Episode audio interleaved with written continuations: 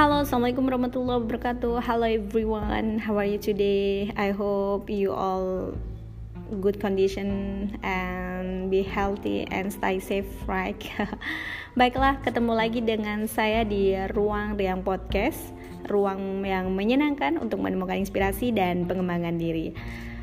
Uh, ada beberapa pertanyaan sih yang masuk di timeline DM saya atau WA saya secara pribadi. Dia mengatakan begini terkadang uh, kita nih kak sebagai anak muda tuh susah banget gitu, bingung gitu untuk menemukan potensi yang ada dalam diri saya sendiri. Uh, saya juga bingung sih menentukan kemampuan saya ini berada di mana sehingga uh, cara yang sangat sederhana sih memang kayak memilih diam aja gitu loh.